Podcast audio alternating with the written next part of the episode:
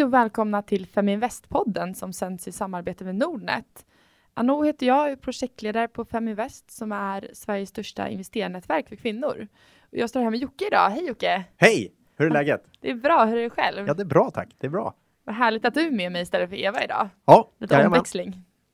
Eh, får jag dra en kort presentation? Absolut. Ja, eh, Jocke Bornold heter jag eh, och eh, även jag jobbar på Nordnet och jobbar som sparekonom. Jag jobbar med att utbilda och inspirera fler till att bli bättre sparare. Och vem vet, kanske jag kan göra det i podden idag också. Ja, idag har vi fått lite experthjälp. Vi ska prata om vad som påverkar börsen. och Det är någonting som Jocke har väldigt bra koll på. Eh, och lite senare kommer vår gäst Joel Blad och gästa oss och han blev miljonär under sin pappaledighet. Jag ska berätta mer om det sen. Men då kör vi igång. Ja, det gör vi. Vilka makrofaktorer bör man ha lite extra koll på? Ja, man, det, ibland kanske man har lite för mycket koll på makro. Eh, Fokusera på bolagen som du investerar i. Eh, och se till att, eh, att du känner att nej, men det här är bra bolag, de har, ser ut att ha en bra framtid för sig, de tjänar pengar och då vill jag investera i dem. Sen kanske man ska nästan bortse lite från de här faktorerna runt omkring, därför att de tar lite för mycket plats. Eh, och de, de eh, kanske mest skapar lite oro. Eh, först och främst investerar du i bra bolag. Det är det viktigaste. Eh, så bortse lite från om oljepriset kraschar eller om dollarn är högt värderad eller om eh, statistiken från Kina är korrupt och så vidare. Det, det blir så mycket intryck och så mycket saker att fundera på så att eh, det hämmar, hämmar dig egentligen. Eh, utan kolla på bolagen du investerar i. Hur ser deras marknad ut? Hur ser den ut framöver? Eh, känns det fortfarande bra och vettigt? Fokusera på det tycker jag. Men om vi säger då, till, om vi tar ett exempel här, att oljepriset faktiskt kraschar. Mm. Eh, vilka industrier gynnar det då? Ja, så kan det ju vara. Det kan man ju ha koll på att om man har bolag som är extra känsliga mot kanske någonting. Säg flygbolag är ju klassiskt då mot, mot oljepris. Eh, eller, ja, mot oljepris och de är väldigt stor del av deras kostnad i bolaget är bränslekostnad. Eh, så, så gynnas ju de och så vidare. Så att eh, det tycker jag man ska ha, att man har koll på det ur bolagets perspektiv då. Eh, Sen kan ju det skapa ringar på vattnet och, och det skapar oro eh, som gör att, eh, att hela börsen går ner som det varit nu då med oljepriset när det kraschade här. Eh, får ändå säga att det gjorde det här, gick ner till nästan 25 dollar per fat eller vad det var. Eh, Då blir det massa ringar på vattnet och det skapar oro och börsen går ner och så vidare. Men som långsiktig investerare så behöver man inte bry sig om det. Men däremot att gå in och kolla på vilka kanske gynnas av det här eller vilka missgynnas av ett lågt oljepris och så vidare. Och hur är det med dollarn där? Det är ju väldigt mycket prat om den amerikanska dollarn, den går upp, den går ner. Ja, Hur påverkar det marknaden här i Sverige om man har svenska aktier? Ja, då kan man ju kolla. Vissa bolag är eh, mer beroende av dollarkursen eller inte. Eh, och det, är- det är så. Eh, Hennes och Maurits brukar nämnas, men alla exportbolagen som tar betalt i dollar, men kanske har kostnader i svenska kronor och så vidare. Um, bolagen tenderar att bli mer och mer globala. Så att uh, jag skulle påstå att den exponeringen och den risken mot valutor har sänkts ganska mycket. Uh, och, och många av bolagen jobbar också aktivt med att säkra de här valutorna. Så det har inte blivit lika lätt att ta hänsyn till det. Och ska man vara helt ärlig, vad valuta kostar, det är något av det svåraste som finns att föruts förutspå. Det, det är eh, eh, det är väldigt, väldigt svårt att veta vart det ska gå. Så att ta hänsyn till eh, valutan är, är ganska knepigt. Om man tycker att dollarn är dyr eller billig och så vidare. Det är svårt att veta vad dollarn står i om ett år eller om fem år. Vad man kan tänka på är att om man vill investera eh, i bolag som har en hög eh, exponering mot en annan valuta. Eller till och med köpa bolag som eh, noterade annan valuta. Man, många av våra kunder äger Apple till exempel. Eh, så måste man veta att du har en exponering direkt mot dollarn. Till exempel, vilket gör att Apple-aktien kan gå upp. Men dollar, dollarpriset förändras, vilket gör att i kronor så har du förlorat pengar. Så det, det är sådär, man ska ha det i, i tanken, men inte för mycket. Inte för mycket tycker jag. Skulle du rekommendera att man hellre köper fonder i till exempel amerikanska marknaden om man inte är helt med kanske makrofaktorerna, vad som händer där? Ja, mer kanske att fonder är ett lätt sätt att komma åt marknader som man själv kanske inte är så insatt i. Eh, som jag, till exempel för mig så eh, tillväxtmarknader och så vidare tycker jag fonder är perfekt att gå in i. Jag, jag, jag har ingen aning om hur man, jag kan inga aktier i tillväxtmarknader, jag har inte koll på det eh, och det är svårt att få information. Och det är väl likadant oavsett vilken marknad det är. Jag kan ta den amerikanska marknaden också. Det är, eh, det är ett enkelt sätt att få exponering som man säger mot, mot den marknaden. Så att eh, ja, fonder är ett ganska bra sätt. I, I, min värld, så som jag placerar själv, så har jag aktier i svenska bolag och utanför där så har jag fonder. Eh, väldigt enkelt förklarat. Jag kör lite samma strategi ja. där, det, det känns stabila så. ja. Men om man tänker i svenska marknaden där, vilka, vilka bolag är, eller vilka marknader är mer stabila på lång sikt? För jag tänker life science kan ju vara lite mer som en krydda i portföljen kanske. Ja, absolut. Och, vad ska man ha i portföljen då? Jag ser gärna att man har fem olika branscher som man placerar i så att det inte blir för mycket i en bransch. Eh, och då får det gärna vara lite olika. Det kan vara bolag som som eh, klassisk svensk industri, eh, Volvo eller Sandvik eller eh, banker eh, skapar ju en, en eh, helt annan typ av ganska eh, eh stabil avkastning ständigt. så att nej, man ska ha lite olika branscher. Man kanske ska ha H&M som är en konsumentvaror. Eh, Eh, se till att sprida och, och, och, ha lite olika så man inte är för eh, tiltad eh, mot ett och samma område. Eh, så man inte har man tycker man har en bra riskspridning i portföljen för att man har tio bolag, men så visar det sig att alla tio bolagen eh, är svenska industribolag eller alla tio bolagen är tio banker. Nej, det är inget bra, utan eh, försök att sprida ut det på olika branscher så, så kommer du få en, en, en lite bättre, säkert en bättre avkastning, eh, men också en jämnare avkastning.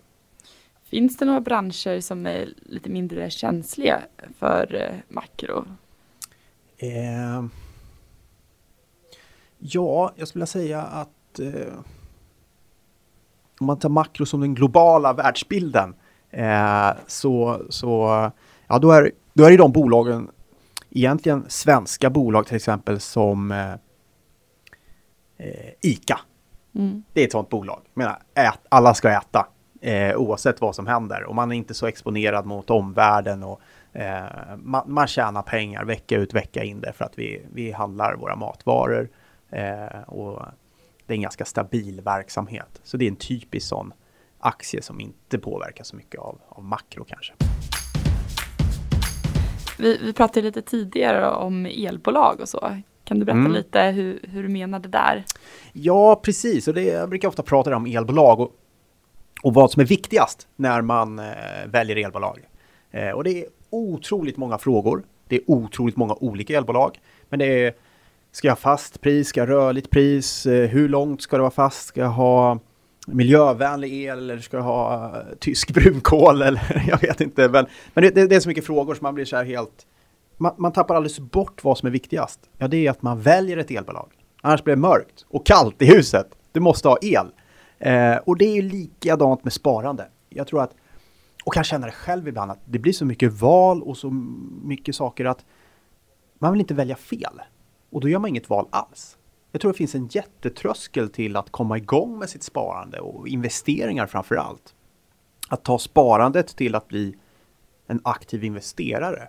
Det är så mycket val där och man vill inte trampa fel och man vill gärna hitta den där raketen eller den där aktien som ska gå 100 procent eller eh, man behöver inte känna det. Jag tycker inte det. det är, valet att börja investera, ta det. Eh, och, och, var inte så orolig för att man eh, ska trampa fel eller snett utan var lite försiktig i början. Eh, gå på eh, om det är aktiemarknaden eh, via fonder eller aktier direkt. Eh, lite försiktigt och känn dig bekväm eh, så kommer det bli en kanonbra resa. Det är jag övertygad om. Men just det där steget är kanske att det är för mycket val. Men, men försök tänka bort dem och, och, och gör ett enkelt val i början, att börja investera. Precis. Jag tänker om, om man ska börja eller, eller man redan har investerat och investerar ganska aktivt. Vad, vad är den vanligaste fallgroparna? Vad, vad kan man försöka undvika? Ja, det finns ett gäng fallgropar och måste, ofta är väl det känslomässiga. Att man är väldigt känslostyrd i, i sina placeringar. Och jag har jobbat med eh, mest med privatpersoners eh, ekonomi i 18 år och eh, många framgångsrika och en del extremt förmögna människor också. Men man, även de tenderar att, att dras med i känslor. Och det tror jag är en fallgrop sådär att man, man, man tvekar på sin strategi eller att man, eh, man dras med när det är så här stökigt på börsen så kanske man säljer av och så vidare. Fast man vet att det är bättre att ligga kvar och att eh, taktiken från början var att vara långsiktig i marknaden. Och så säljer man av det och så går börsen upp och sådär. Så det är väl det vanligaste misstaget. Det är just det där att man blir lite känslostyrd. Eh, och att man ska försöka koppla bort det och tänka rationellt. Det, det, är lätt att säga och jag säger det minst en gång i veckan. Eh, men det är ganska svårt. Det är ganska svårt. Så även för den mest eh, eh den som varit aktiv länge i aktiemarknaden så det är fortfarande svårt att tänka rationellt. Att när man väl ser att man börjar förlora pengar på kontot eh, och så vidare, att ta det steget tillbaka och verkligen tänka rationellt. Varför är jag i aktiemarknaden? Ja, det är på grund av de här skälen eh, och jag ska nog vara kvar där. Liksom. Så det, är, det ska jag vilja säga. Det blir lätt känslostyrt. Jocke, om vi ska sammanfatta lite vad vi kommit fram till idag. Vilka makrofaktorer bör man ha lite extra koll på? Ja, men vill man ändå kika lite på om, omvärlden så tycker att man ska vara uppmärksam på, på de som påverkar dina bolag. Eh, så sätt gärna in i bolaget och hur det påverkas av, av eh, valutan eller oljan eh, eller framförallt konjunkturen i olika delar av världen. Eh, därför att då vet du också får du ganska många svar på varför aktiekursen rör sig som den gör i bolaget. Eh, och man, man, kan dra sin analys av det och, och, och känna sig bekväm i, i sin investering. Eh, så det beror lite grann på vilket bolag du investerar i faktiskt. Eh, men eh, ha lite koll på det, men kanske inte för mycket koll på det. Eh, stirra inte blind på det. Kolla mer på hur det går för ditt bolag och att de, att de går bra. Jag tänker banker är det ju många som har i sina portföljer. Ja. Och det har väl gått lite sisådär. Eh. Bankerna har haft supertufft eh, en period. Eh, och det är väl av många skäl. Men det är ju en annan faktor som man missar väldigt ofta och det är väl den politiska faktorn att eh, bankerna regleras allt mer. Eh, och man just nu ifrågasätter man väl eller man, man funderar på hur mycket eh, kan man reglera innan det påverkar vinst, vinstnivåerna i banken och sådär. Så det är, en, det är en faktor man kan kanske kolla lite mer på än vad man gör eh, just den politiska risken och, i bolagen. Men fantastiskt kul att få vara med. Ja, tack för att du var här. Tack! Tack så jättemycket. Ja, då välkomnar vi dagens gäst som är Joel Blad. Hej mm. Joel! Ja, hej! Tack Välkommen! För tack för att du fick komma hit, jättekul att få vara med. Jätteroligt att du är med oss idag. Mm. Eh, ska du berätta lite kort om din bakgrund, vem är du? Ja, det gör jag gärna. Jag är en eh, vanlig, jag börjar i den änden, en vanlig pappa som har eh, små barn just nu. Eh, lever här i Stockholm tillsammans med min fru i Aspudden, ursprungligen från Dalarna. Eh, skälet till att jag sitter här idag, det är ju att jag har eh, gett ut en bok nu som heter Bygg en förmögenhet, fixa familjens ekonomi. Och då förstår ni ungefär vad det handlar om.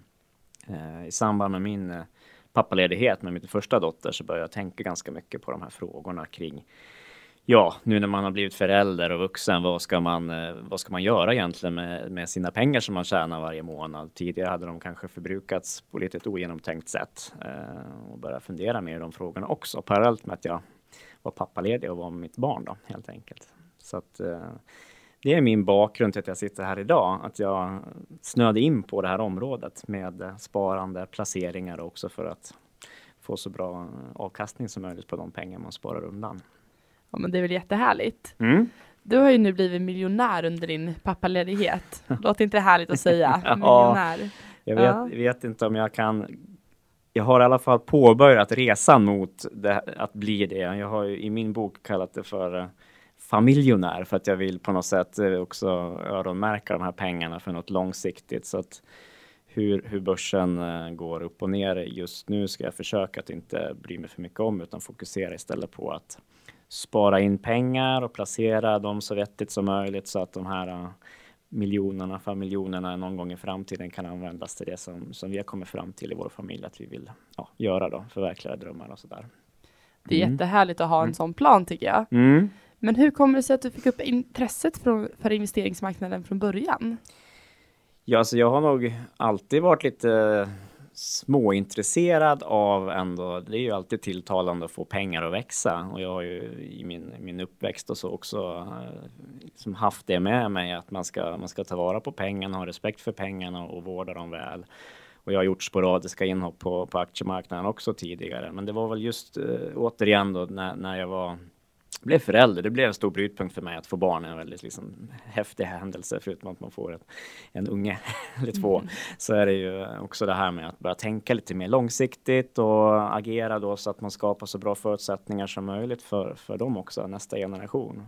Så då, då blev jag mer taggad att verkligen göra någon sorts helhetsöversyn av dels hur det ser ut idag i vår familj, hur ser hushållsekonomin ut hos oss. Vad får vi in? Det är ju ganska lätt att ta reda på, men sen vad händer med pengarna under månaden? Vad lägger vi pengar på? Vad är det vi, vi köper för någonting? Och vad, ja, sådär då. Och i samband med det så börjar jag också intressera mig mer om vi nu ska spara långsiktigt för en långsiktig familjeplan då, som vi har lagt upp. Eh, hur ska vi då placera också vårt innehav så att det inte blir något tokigt här då längs med vägen dit då. Mm. Jag tror också att det är väldigt bra att lägga just en långsiktig plan. Mm. Man vill ju få pengarna att jobba för en precis, själv. Precis. Men när började, det här, började intresset? När köpte du din första aktie? Ja, alltså jag, som sagt, i och med att jag har haft det här med sen uppväxten, inte så att vi har sparat jättemycket aktier i min familj, men jag vet att jag och några gymnasiekamrater gjorde något inhopp redan på 90-talet i något bolag som jag inte ens kommer ihåg namnet på nu, men jag minns att vi satt på text-tv och kollade. Och det var ju eh, kriser redan på 90-talet, även under 2000-talet vet jag också att jag köpte eh, IT-aktier precis innan den här liksom bubblan sprack och så där. Så jag har haft, det är egentligen lite lustigt att jag då har skrivit den här boken nu om, om det här, för jag har bränt mig flera gånger på aktiemarknaden genom att jag har gjort, som man säger, då, felaktiga inhopp utan att reflektera och tänka efter. Eh, så att det är väl så man lär sig. Ja, precis. Så det var lite mer oplanerade köp tidigare. Nu har jag ett mer fokuserat eh, med lite analys och eftertanke i det hela då. Så att eh, jag har hållit på rätt länge, men inte alls på något strukturerat sätt och då och då. Oftast i samband med, med eh, ekonomikriser tror jag. när alla andra redan är med. Det är lite den här när det står på löpet. Nu ska du köpa aktier. Då gjorde väl jag det tidigare ungefär. Nu har jag lärt mig lite mer då. ja, det är ju svårt där med timing. Mm. Men hur tänker du nu när du bygger din portfölj? När du har lite mer strategi bakom det? Ja, eh, det är ju en så här rolig grej i det här att vi har ju pratat igenom det, jag och min fru då, i och med att vi har lagt liksom någon sorts placeringsstrategi för att vi ska kunna eh, också hinna, eller ska säga, hejda oss själva ibland när vi känner att, att vi, vi dras med i någon sån här köphets eller säljiver då beroende på hur börsen slår. Den varierar ju väldigt mycket då så att man måste man måste kunna falla tillbaks på en, en strategi och den vi har, vi har gjort det ganska enkelt för oss och det är just för att vi vi har det här långsiktiga perspektivet då, så kan vi unna oss också att inte strunta i de här små fluktuationerna. Utan då fokuserar vi mer på vad är, det vi, vad är det vi tycker om helt enkelt. Vad är det vi gillar och vad är det vi tror på?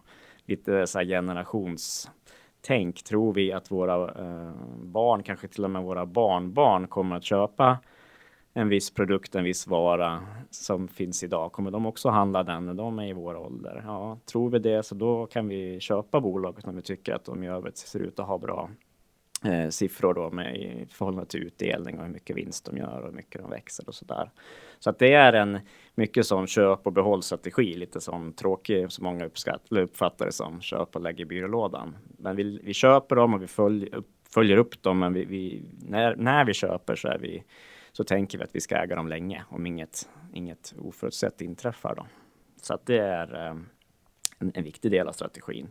Så jag tycker att man behöver inte göra så jättekomplicerat, utan köp sånt som du, som du gillar, som du tycker att du förstår. Det är också en väldigt bra edge att om du jobbar med ett speciellt område och kan en, ett visst område väl, så kan ju det också vara någonting som du kan dra nytta av själv på, på, eh, på börsen. Men hur många bolag består din portfölj av ungefär?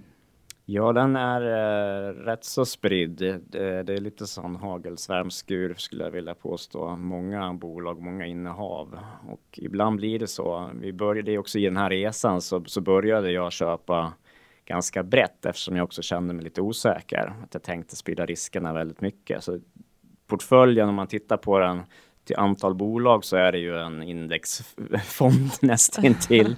Men sen har ju också med tiden blivit mer fokuserat på vissa kanske då kärninnehav som har fått en större andel som vi också köper mer regelbundet i nu när vi har liksom analyserat oss själva lite grann också. Man får ju göra den uppgiften också varje år i det här att fundera över hur pass pass bra har jag presterat gentemot exempelvis en indexfond? Eh, är jag tillräckligt intresserad fortfarande och engagerar mig eller ska jag då istället liksom ägna mig åt annat och köpa fonder under en viss period i livet? Det kan ju vara så också, just det här med som i boken är ju mycket fokuserat kring småbarnstiden och det handlar ju mycket om vad man har för energi att lägga ner där på investeringar. Men just nu är vi aktiva själva då och försöker vara duktiga placerare helt enkelt, jag och min fru. Roligt. Hur, eh, hur viktigt tycker ni är med att bolagen ger utdelningar? Eh, jo, men jag tycker att det är eh, ganska viktigt, eller det är mycket viktigt för oss då, eftersom vi också i den strategi vi har lagt eh, den här långsiktiga bygger på att vi ska till stor del kunna leva på utdelningar i framtiden. Så då vill vi ha det. Eh, sen handlar det ju också om att Utdelning i sig kan ju vara, eller är ju oftast ett styrketecken eller så, man säga, ett tecken på att bolaget mår bra då. Eh, att de har, eh, ja, de har den möjligheten att dela ut pengar. Det går så pass bra i bolaget helt enkelt de kan skifta ut det till ägarna. Det som man behöver hålla koll på där tycker jag, det är ju hur stor andel man delar ut i förhållande till vinsten och också hur den uh, vinstutvecklingen kontra utdelningsutvecklingen har sett ut så att inte det krymps och naggas hela tiden där då man då kan förmoda att utdelningen kanske kommer att sänkas framöver. Man vill ju gärna ha sådana bolag som går så pass bra att de också till och med kan höja sin utdelning årligen, för det blir lite extra sån här ränta på ränta effekt då, att man kan få en snöboll som rullar lite, bygger på nästa lager snö ännu snabbare då än tidigare. Ja, det är härligt så om att, man eh, hittar en sån. Mm. Sen ska jag säga också att vi har även bolag i vår uh, portfölj som inte ger utdelning just nu, för då har vi istället identifierat att det här är ett ett bolag som, som, eh, som behöver pengarna bäst själv. Man får ju också tänka så att på vilket sätt eh, gynnas bolaget på bästa sätt? Är det genom att de själv använder pengarna de genererar som vinst för att bygga upp någonting, expandera och så vidare? Eller har de blivit så pass mogna nu och fått en så pass etablerad del av marknaden att de faktiskt kan börja skifta ut? Som, eh, ja, Apple är ett sådant exempel som vi hade innan de började dela ut pengar.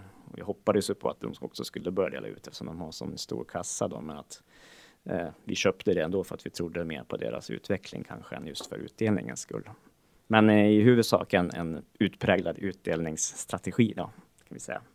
Har du någon så här favoritaktie som du? Ja, alltså det finns ju flera stycken, men det är också det här att man det är både och den med favorit. Helst ska man ju inte bli allt för kär i sina innehav, för då är det ju svårt att, att skiljas från dem också. Man behöver göra det trots allt, men det är ju svårt att låta bli. Eh, vi har en ganska stor andel nu i Hennes Maurits i vår portfölj och det har vi kommit fram till, jag och min fru, som jag sa tidigare. Vi tror att det är ett bolag som kommer fortsätta finnas kommer fortsätta expandera. Trots att det har öppnat så mycket nya butiker så finns det en stor del kvar av jordklotet att, att verka inom. Då. Eh, satsar mycket nu i tillväxtländer och i Indien och så vidare. Då. Så att det är ett sådant bolag som vi som vi eh, gärna nu ökar i också nu när de går lite knackigt på börsen så känner vi att det här är perfekt för oss för att vi, vi ska behålla dem fram tills våra barn har fått barn och då tror vi att eh, de står minst lika bra som idag och gett en hel del utdelning under tiden. Då. Så, så det, är ett, det är ett exempel på ett bolag som vi tror på. Um, vad har vi mer? Ja, alltså vi tänker ju också utifrån, vi bor ju här och verkar i Stockholm. Vi ser hur bostadspriser och allting skjuter i höjden.